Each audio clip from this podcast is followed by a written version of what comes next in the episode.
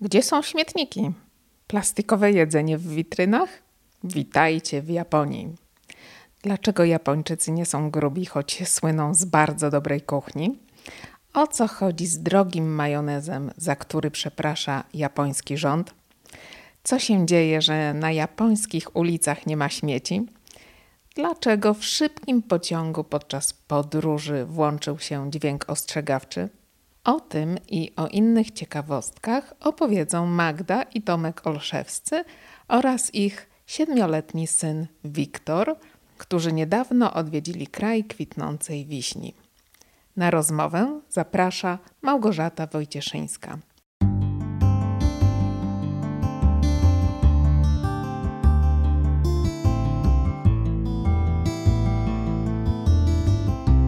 To jest podcast Klubu Polskiego.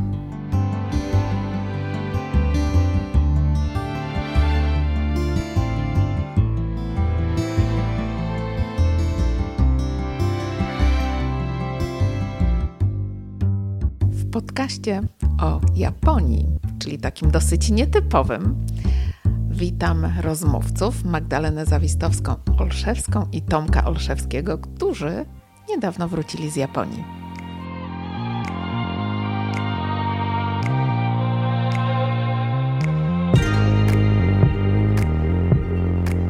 Jak było? Co was tam w ogóle przywiodło? To był już stary plan, żeby tam kiedyś wrócić. W międzyczasie dzieci brata Magdy dorosły na tyle i wpadliśmy na pomysł, aby wspólnie tam pojechać, ponieważ to jest kraj, który jest tak inny niż inne, który jest tak naprawdę kosmosem względem Europy. Stwierdziliśmy, że warto by było jednak pojechać i zobaczyć, jak on się bardzo zmienił po tych latach, po tych kilku latach, kiedy byliśmy, od, od kiedy byliśmy na pierwszy raz. Dobrze, to kiedy byliście pierwszy raz i na czym polega ten kosmos, o którym powiedziałeś? Pierwszy raz byliśmy 14 lat temu. Natomiast ja powiem krótko, zdecydowanie bezpieczeństwo. To braliśmy pod uwagę podróżując z Wiktorem, naszym synem. Fantastyczna kuchnia, jedyna w swoim rodzaju i kultura i tradycja. A na, dla ciebie, Tomku, powiedziałeś o kosmosie, że tak zupełnie inny. W czym jest ten inny? Ja pytam, ponieważ ja nigdy nie byłam, więc y, ja znam Japonię jedynie za pośrednictwem opowieści innych i chcę dociec, w czym dla ciebie to jest ten kosmos. Na pewno kosmosem dla mnie jest organizacja pracy w Japonii. No ale nie pojechałeś tam do pracy. Tak, ale kiedy człowiek nagle zobaczy, że tuż pod Twoim hotelem ktoś nagle reperuje dziurę, czy ją w jakikolwiek sposób zalepia, nie wiem jak się mówi o dziurach. W sensie na ulicy. Na ulicy, tak. I widzisz, że oprócz tych osób, które tą dziurę, że tak powiem, starają się zalepić, są dwie osoby stojące po lewej i po prawej stronie z pałeczkami świecącymi i one wskazują tobie drogę, abyś ominął tą dziurę Podkreślam, to nie jest wielki, wielki otwór, to jest kwestia, nie wiem, pół metra na pół metra. Jedna osoba wskazuje, że musisz iść tędy, druga, że musisz wejść tędy. I przy okazji ciebie oczywiście pozdrawiają, się tobie kłaniają. Czyli jeżeli widzisz dwóch pracowników na ulicy, którzy pokazują tobie drogę, którą masz iść i jeszcze ciebie pozdrawiają, to już jest wielki kosmos. Po tym jak się obudzisz i startujesz swoją przygodę w danym mieście. A to ciekawe spostrzeżenie, bo to rzeczywiście każdy zwraca uwagę na coś innego. To jest bardzo fajne. Madziu, czy dla ciebie coś tam było kosmicznego? Nie wiem, czy od razu tak kosmicznego, ale mnie się bardzo w Japonii podoba, oprócz oczywiście tej kultury, tradycji, mentalność Japończyków, ich taki spokój, który mają. To nie są osoby spontaniczne jak my, które krzyczą, jakby są, to są i tak pokazują swoje bardzo na zewnątrz uczucia. To są osoby stonowane, spokojne. Tam wręcz na ulicach wszelkie kłótnie są zabronione i karane, więc na to trzeba zwrócić uwagę. Oni są bardzo stonowani, a przez to niosą taki spokój ze sobą. Ich e, mentalność, ich e, uprzejmość niezwykła i chęć pomocy mnie osobiście y, to już zwróciłam uwagę, jak byliśmy 14 lat temu i teraz. czystość na ulicach. To jest niesamowite. Słuchajcie, tam nie ma papierków, nie ma przylepionych gum, petów. I co jest ciekawe i takie też absurdalne, że nie ma też koszów na śmieci. Koszy na śmieci nie ma. Więc oni, jeśli mają e, jakieś swoje e, śmieci, typu, że butelka, papierki, mają to ze sobą, chowają czy do plecaków, torebek, kieszeni i potem albo w domu wyrzucają, albo możliwość jest zwrotu też tych śmieci, opakowań w sklepie, ale mimo, że nie ma koszy na ulicach, to nie ma śmieci. To jest dla mnie y, naprawdę niesamowite i nawet Wiktor się dziwił, jak jest czysto, a jednocześnie, że nie ma koszy i on teraz nie ma gdzie wyrzucić tych odpadków. No właśnie, czytałam, że, że nie ma tych koszy, a że jednocześnie jest bardzo taka na wysokim poziomie segregacja. Segregowaliście też śmieci w ten ich sposób? Nawet w tych miejscach, gdzie mieszkaliśmy, najwięcej miejsca w tych wszystkich prawach danego budynku to było, to było prawo właśnie segregacji śmieci. Śmieszną historią było to, że dostaliśmy podziękowanie z jednego miejsca, gdzie mieszkaliśmy. Po tym, jak już powiem, odczekowaliśmy, dostaliśmy podziękowanie za to, że bardzo dobrze segregowaliśmy śmieci. Na czym polegała ta segregacja tam? Tak naprawdę ona była taka sama jak tutaj, z tą różnicą, że była dostępna naprawdę ta ilość, w sensie było, to, było, dostęp, było dostępne nie, nie tam, że dwa śmietniki, tylko to było jakoś tak sprytnie po japońsku zrobione, że były nie wiem, trzy albo i cztery nawet, bardzo dokładnie opisane co, gdzie i segregować. Także ona się niczym nie różniła, ale była bardzo dokładna. Segregacja oczywiście papier, szkło, butelki, plastiki, ale co mnie zaskoczyło, to była segregacja w jednym apartamencie mieliśmy tylko dwa kosze i była segregacja na odpad, który podlega spaleniu i na ten, który jest niepalny, że nie można go palić. Ale a propos tej segregacji, ona też wynika z przepisów. Mają tam taki, taką ustawę odnośnie, odnośnie segregacji. Japończycy są bardzo zdyscyplinowani, także jeśli jest taki przepis, to oni się do tego stosują. I to widać na wielu płaszczyznach ich życia. A skąd o tym wiedzieliście? Jest jakieś specjalne szkolenie, albo przylatując dostajecie jakąś ściągę, jak się zachowywać w Japonii?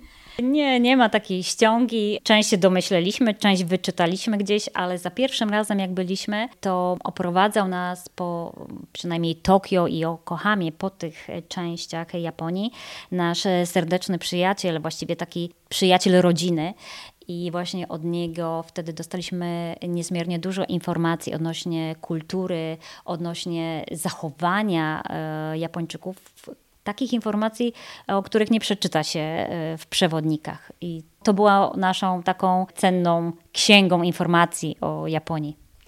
No to teraz będę cię tutaj podpuszczać. Puść parę, co takiego wam powiedział. Jak domniewam się, jest to wasz znajomy, którego artykuł również publikowaliśmy na łamach monitora kiedyś w ramach rubryki Rozsiani po świecie. Marek Gajewski, prawda? Tak, tak, chodzi o Marka Gajewskiego, naprawdę. Człowieka, który pojechał do Japonii, ma teraz wspaniałą, wspaniałą córeczkę, żonę Japonkę. Marek to jest osoba, która o Japonii nie chcę powiedzieć, że wie, że wie wszystko, nie wiem, może wie wszystko, ale potrafi to opowiedzieć w cudowny sposób. Konkret, daj jakiś konkret. Co wam puścił, jaką parę? Dobra, chcesz konkret, to masz konkret. Teraz drugi, jak byliśmy w Japonii, udało nam się z Markiem spotkać. I oczywiście, uwaga, opowieść czyst, prawdziwa. To jest opowieść prawdziwa. W, w japońskiej telewizji pewnego wieczoru szły główne wiadomości, gdzie występowali główni ministrzy wszystkich tam, minister e, gospodarki, minister zdrowia, nie wiem kto jeszcze. I oprócz tego właściciele firm, teraz tutaj robię małą kropkę, nim to dokończę, właściciele różnych prywatnych firm i oni oficjalnie przepraszali cały naród, kłaniali się, dlatego że po kilku latach podwyższono cenę majonezu. Jedliście majonez japoński? Nie, nie, bo nie dla majonezu pojechaliśmy do Japonii. A poza tym zbyt drogi. Chyba tak. E, podobna historia dotyczyła herbaty. Ja pamiętam, że Marek dużo nam też opowiadał o swoich spostrzeżeniach jako obcokrajowca kiedy pojechał tam i pracował e, na początku chyba dla korporacji, potem dla japońskiej firmy i mówił właśnie o tej mentalności Japończyków, że oni obcokrajowców zawsze traktują jednak inaczej. Tam zawsze będziesz tym obcokrajowcem. On nawet pokazywał nam swoje takie ID, gdzie miał napisane alien i zawsze tym alienem będziesz. Nawet z tego, co, co pamiętam, co wspominał, że wysoko postawiony dyrektor Olimp Pusa chyba, o ile dobrze pamiętam. Też był tam oskarżony o jakieś wyprowadzania pieniędzy. O tym się bardzo w Japonii głośno o tym mówiło. Ale już jak wygrał proces i e, zostały te zarzuty oddalone, to już to się tak nie mówiło potem w telewizji, tak? Czyli to też jakby chcę tym powiedzieć, że, że oni inaczej podchodzą do obcokrajowców, że łatwo e, wytykają jakieś wady i zawsze ten obcokrajowiec tam będzie alienem. Że tak to może to wyjaśnia, dlaczego tylko, jak się doczytałam, 600 Polaków mieszka w Japonii, czyli dużo mniej niż nas y, Polaków tutaj na Słowacji, co też jest bardzo ciekawe.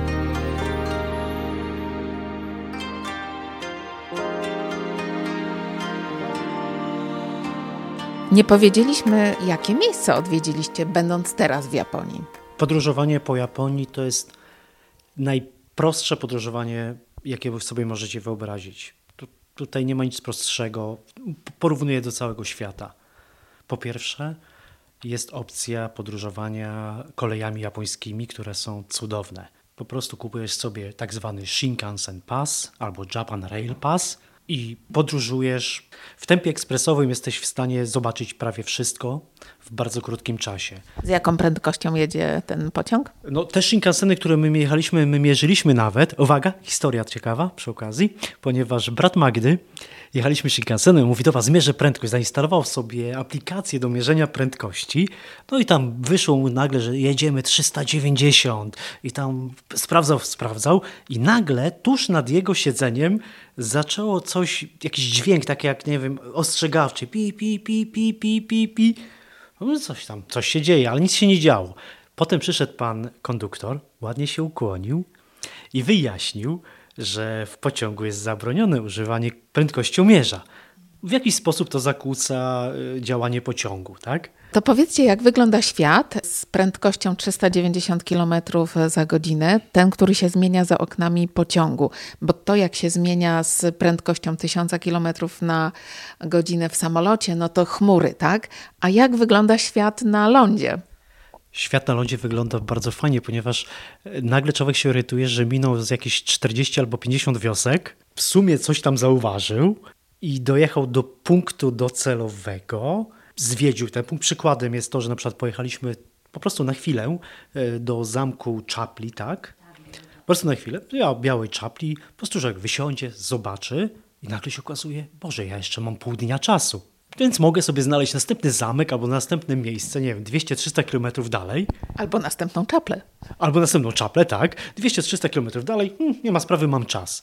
I to jest właśnie podróżowanie. I to, co jest też fajne, to war, warto zaznaczyć, już ta znana punktualność tych pociągów to jest jedna rzecz, ale chodzi o to, że one są tak dopasowane między sobą, że nawet jeżeli trzeba się przesiąść, to po prostu człowiek wysiada, przechodzi, nie wiem, na następny peron i w ciągu 5-10 minut na pewno ma pociąg, gdziekolwiek chce jechać. A to prawda, że one przyjeżdżają dokładnie na czas. Ja się doczytałam, że one mają opóźnienia 63 sekund na rok w podsumowaniu. Czy to jest możliwe w ogóle?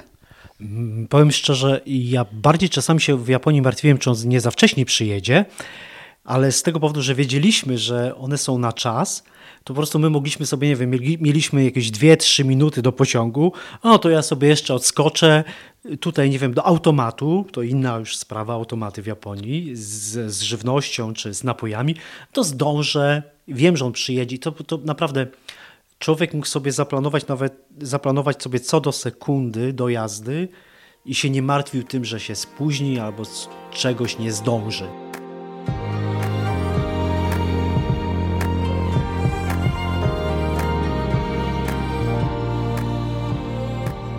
Wróćmy do mojego pytania. Dokąd pojechaliście? Wylądowaliście, jak sądzę, w Tokio i gdzie jechaliście, co zwiedzaliście? Nasza trasa to było tak: Kyoto, Osaka, Miyamija, Hiroshima. W drodze powrotnej jeszcze zatrzymaliśmy się w Okayama. Ile to jest dni?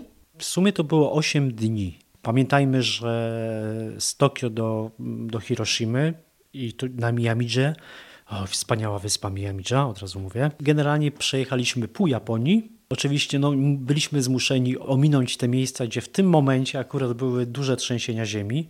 No właśnie, chciałam Was zapytać, przeżyliście na własnej skórze trzęsienie ziemi? W Japonii niestety nie. My, Niestety. Niestety nie, ja wiem, że to brzmi głupio. My z Magdą mieliśmy przyje, przyjemność lub e, możliwość przeżyć trzęsienie ziemi w Peru kiedyś dawno, dawno temu, ale szczęśliwie nas ominęły te trzęsienia ziemi. Trzy dni wcześniej właśnie nim przeleciliśmy do Japonii było wielkie trzęsienie ziemi e, na, w, w zachodzie Japonii. A po tym jak wyjechaliśmy, się okazało, że właśnie u naszego przyjaciela Marka Gajewskiego, dokładnie tam, gdzie on mieszka, było epicentrum. Aczkolwiek Marek to skwitował, jak napisałem Markowi, Marku, co tam wszystko w porządku? Marek to skwitował, no w nocy cztery razy się zatrzęsło mocno, ale w porządku. A to prawda, że oni są tak przygotowani, że nie panikują i że czekają na sygnały, co mają robić, i że ta dyscyplina, o której Magda wcześniej mówiła, przejawia się również w momencie zagrożenia zdrowia? Ja wiem, że Marek opowiadał, że tam jest tak, że jest trzęsienie ziemi. Oczywiście ludzie wychodzą na zewnątrz, kończy się trzęsienie ziemi, bez względu na to, jak jest mocne. Jeżeli budynek jest cały, nic się nie stało, wracają po prostu do pracy i tyle. Wy byliście też w jakiś sposób poinstruowani, co macie robić? Czy turyści wiedzą, co mają robić, jak gdyby było trzęsienie ziemi, czy to na zasadzie obserwacji tylko? Tu jest ciekawostka, to akurat wyczytałem. Nie mieliśmy tej możliwości, ale w Japonii jest taki system informacyjny, że wszystkie telefony, bez względu na to, jakie, pod jaką są siecią i tak dalej, automatycznie, kiedy jest trzęsienie ziemi, wydają specjalny dźwięk. To jest jakoś automatycznie nastawione tak, że nawet obcokrajowiec, który jest tam, dostaje specyficzny dźwięk i słyszy ten dźwięk ze wszystkich telefonów naokoło, że tym momencie będzie trzęsienie ziemi i dostaje instrukcje, co ma zrobić, mniej więcej te podstawowe. Co jest ciekawe, ten dźwięk, że to jest jakiś typowy dźwięk, który nawet ty nie jesteś w stanie zmienić w swoim telefonie. Madziu, masz jakieś ulubione dania japońskie? Sushi. No to to znamy też tutaj, nie trzeba lecieć do Japonii. Jest jeszcze coś specyficznego. Rozmawiałam z waszym synkiem, to on powiedział mi o kurczaku w cytrynie, czy o smaku cytrynowym. To już jest jakaś e, nowość, powiedzmy, ale może jeszcze coś zdradzicie, co tam jedliście i czego wam możemy zazdrościć. Wracając do tego sushi, wiesz, sushi w Japonii nie jest równe temu naszemu europejskiemu. I nasze sushi europejskie to będzie tak długo zalegało, aż się nie sprzeda. Natomiast w Japonii jest zu, zupełnie inny styl. I jeśli jesteś w barze z, tak, z tymi popularnymi chociażby łódeczkami, albo ta, w takim barze, gdzie krąży wokół, krążą te talerzyki sushi, to tam jest tak, że jak tylko ta ryba straci taki swój oryginalny, pierwotny błysk, to już jest niestety to wyrzucane u nas jest to niestety nie do pomyślenia. Dlatego też e, mówi się, że w Japonii nie ma bezdomnych, a jak są, to są dobrze dożywieni, bo tam niesamowita ilość dobrego jedzenia trafia niestety do śmieci. Także to sushi nie da się porównać, a jest fantastyczne. Bardzo taką typową japońską e, potrawą jest zupa ramen. To na pewno nie jest e, dietetyczna zupa, natomiast jest bardzo pożywna.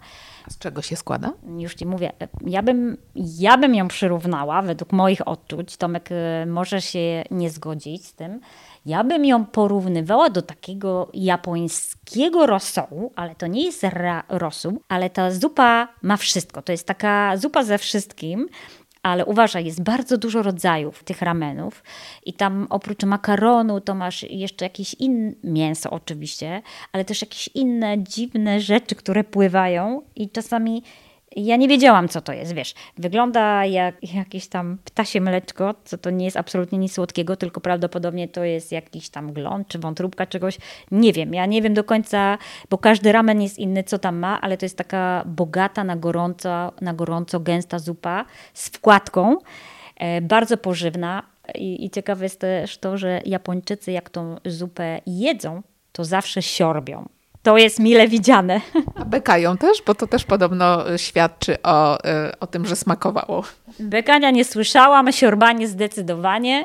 A jeszcze jeśli chodzi o e, rzeczy do jedzenia, to ja uwielbiam słodycze japońskie, bo wszystkie słodycze nie są za słodkie jak u nas. Są takie w sam raz, że tak powiem. I to mnie bardzo tak e, ciekawiło. I zwróć uwagę, że Japończycy są szczupli. A no właśnie, wy, wy, tam pasujecie, bo też jesteście szczupli. O to chciałam zapytać. Z wyjątkiem może e, zawodników sumo, którzy szczupli e, nie są. Ale je, jeszcze pociągnę ten temat tych słodyczy. Z czego są te słodycze? Co tam takiego jest e, egzotycznego, a mało słodkiego? Wiesz co, egzotycznego może nie, bo tam jest e, od czekolady po ciasta, bardzo podobne jak u nas. To jest bardzo szeroka gama. Po prostu wydaje mi się, że jest mniej cukru. Może tu chodzi właśnie o skład, o te proporcje, a nie z tego, czego są zrobione.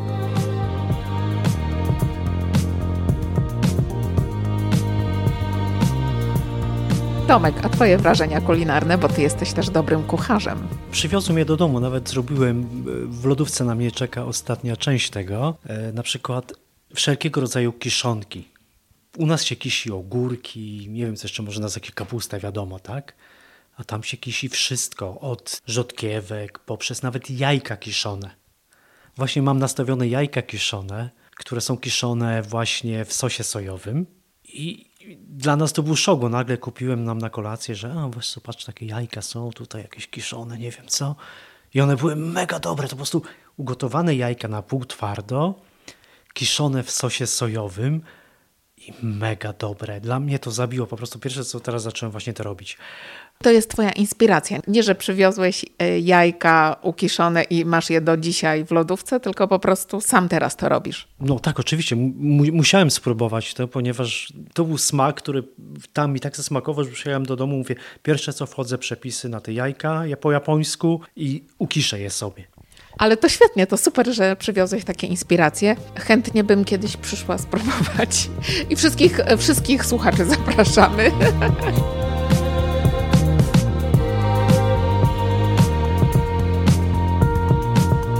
Powiedzcie, gdzie wy się żywiliście? Czy to było gdzieś na rogu na ulicy, czy w restauracjach? Ja tylko jeszcze dodam, że koniecznie trzeba spróbować wina śliwkowego, japońskiego, bo Chińczycy też mają podobne wino. Uwielbiam je. No i oczywiście sake. No może nie każdemu przypaść do gustu, bo to jest ryżowa wódka, najczęściej pita na ciepło, ale uważam, że trzeba też spróbować sake.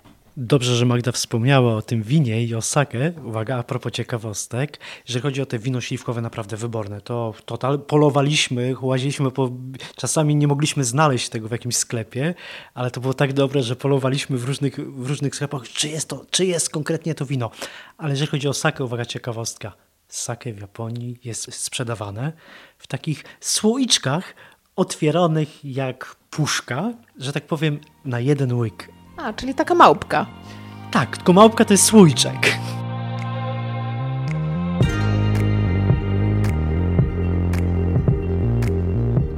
Powiedzcie mi, gdzie wy się żywiliście? Czy chodziliście do sklepu i kupowaliście i sami sobie robiliście, czy gdzieś na ulicy, czy w restauracjach, w barach? Ponieważ my jesteśmy takimi globtroterami, którzy raczej nie chodzą po jakichś drogich restauracjach. My zrobiliśmy taki kompromis, ponieważ oczywiście na ramen chodziliśmy do restauracji, byliśmy na, oczywiście na, na dobre sushi w restauracjach, byliśmy w, w, mega dobrej restauracji przy Disney World tak zwanym, bardzo dobra restauracja, która sprzedawała pierożki takie japońskie, na miejscu to robili, ale Będąc w Japonii, tak naprawdę wystarczy że człowiek pójdzie do, tak, do sklepu na rogu, że tak powiem, do takiego samu na rogu i dostanie zestaw, są to gotowe zestawy jedzenia, świeżutkie, dobre.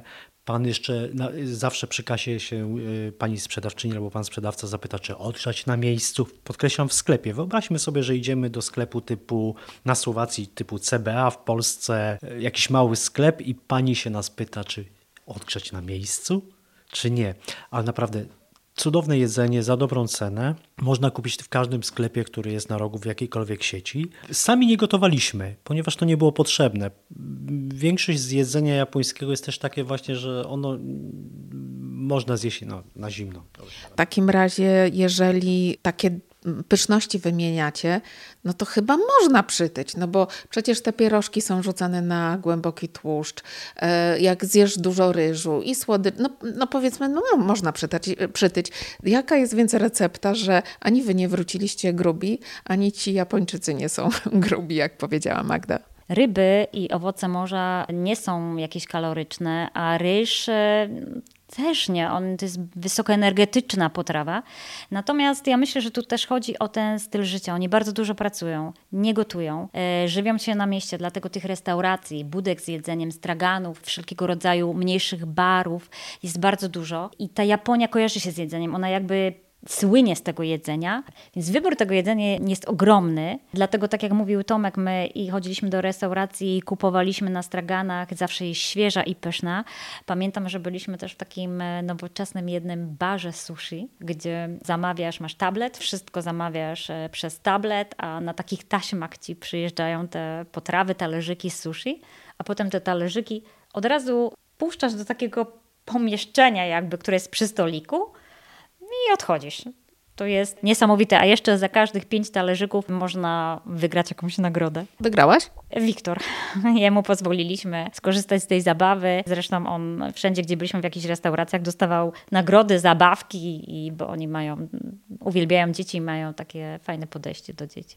Wiktor, czyli wasz siedmioletni synek, który pierwszy raz był w Japonii i też opowiadał o różnych fajnych wrażeniach z tego wyjazdu. To może właśnie czas na wypowiedź Wiktora.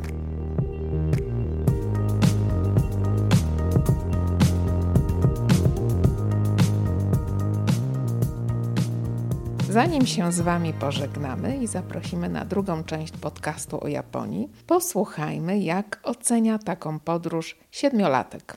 Bardzo fajnie. Ogólnie dużo sklepów, dużo takich centrum. Byłem w centrum Pokémon, gdzie, gdzie jest mnóstwo jakby zabawek i ogólnie y, pluszaków. A zdaje się, że ty tam jechałeś jakimś takim niesamowitym pociągiem, czy to prawda? Tak, Shinkansenem, który jechał ponad 300 na godzinę. Nie bałeś się? Nie.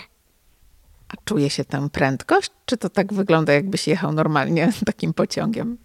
Nie czuło się tej prędkości, ale było bardzo fajnie. A jak wygląda taki pociąg w środku? Tak jak każdy inny, czy tam jest coś ekstra ekskluzywnego?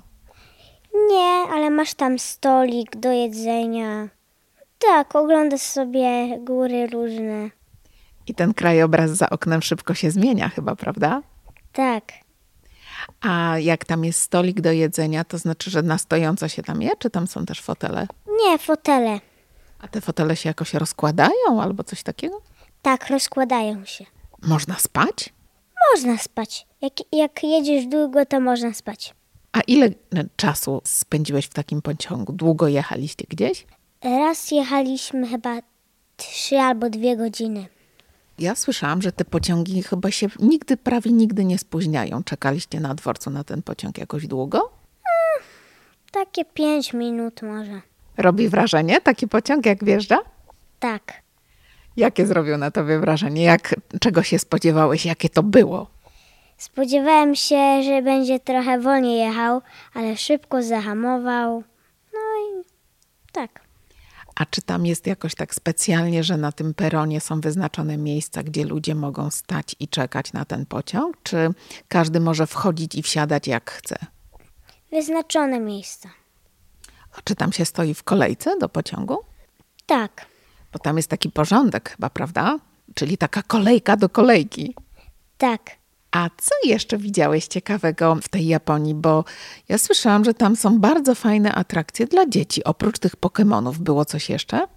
Może dostałeś jakiś prezent gdzieś? Może jakoś w kawiarniach inaczej, czy w restauracjach traktują? Nie, raczej chyba w restauracjach. Po prostu tata się naje, mama się naje, ja się najem. Prezenty jakieś były? Nie. A masz jakieś ulubione danie japońskie? Tak, kurczak, y, cytrynowy kurczak. To znaczy, że tam pływają kawałki cytryny? Nie, ale jest taki smaczek taki cytryny. A, czyli taki kwaskowaty ten kurczak jest? Tak, A z czym jadłeś tego kurczaka? sam, ale na serio polecam. A w Japonii się je cały czas e, ryż? Nie tylko, masz tam sushi i ja właśnie byłem w takim restauracji, gdzie były stoliki i tam był taki, jakby taka ściana i tam ci jedzenie podjeżdżało, to co zamówiłeś. Podjechało twoje jedzenie i to był właśnie ten kurczak cytrynowy? Tak, może nie ten cytrynowy, ale był kurczak dobry. Nie chciałbyś, żeby tu na Słowacji albo w Polsce też były takie restauracje? Tak, ale niestety ten kurczak, co zjadłem, każdy kawałek miał jakąś chrząstkę dużą.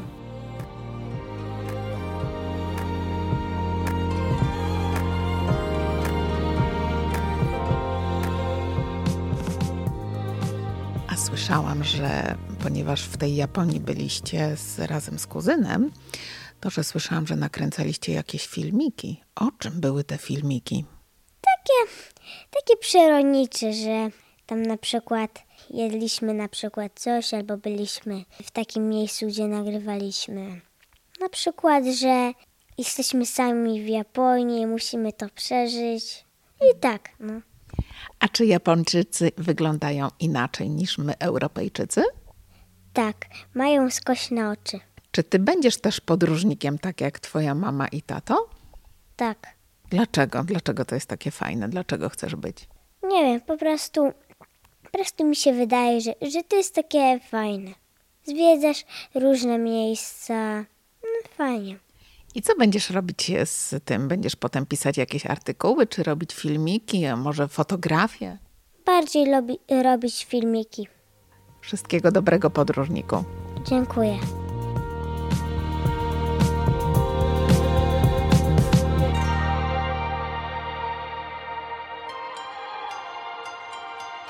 Na dziś to już wszystko. Za uwagę dziękuję Małgorzata Wojcieszyńska. Ale to nie koniec opowieści o Japonii. W przygotowaniu mamy drugą część rozmowy, w której dowiecie się między innymi o kosztach noclegów, kosztach wyżywienia w Japonii, ale także o tym, jak wyglądają japońskie toalety, w których przeciętny Europejczyk może poczuć się zagubiony.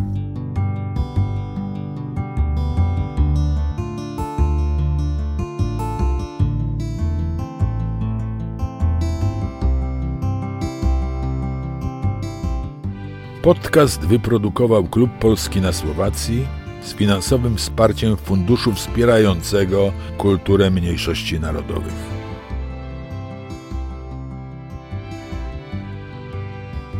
Podkład muzyczny i dźwięk Stanos Techlik.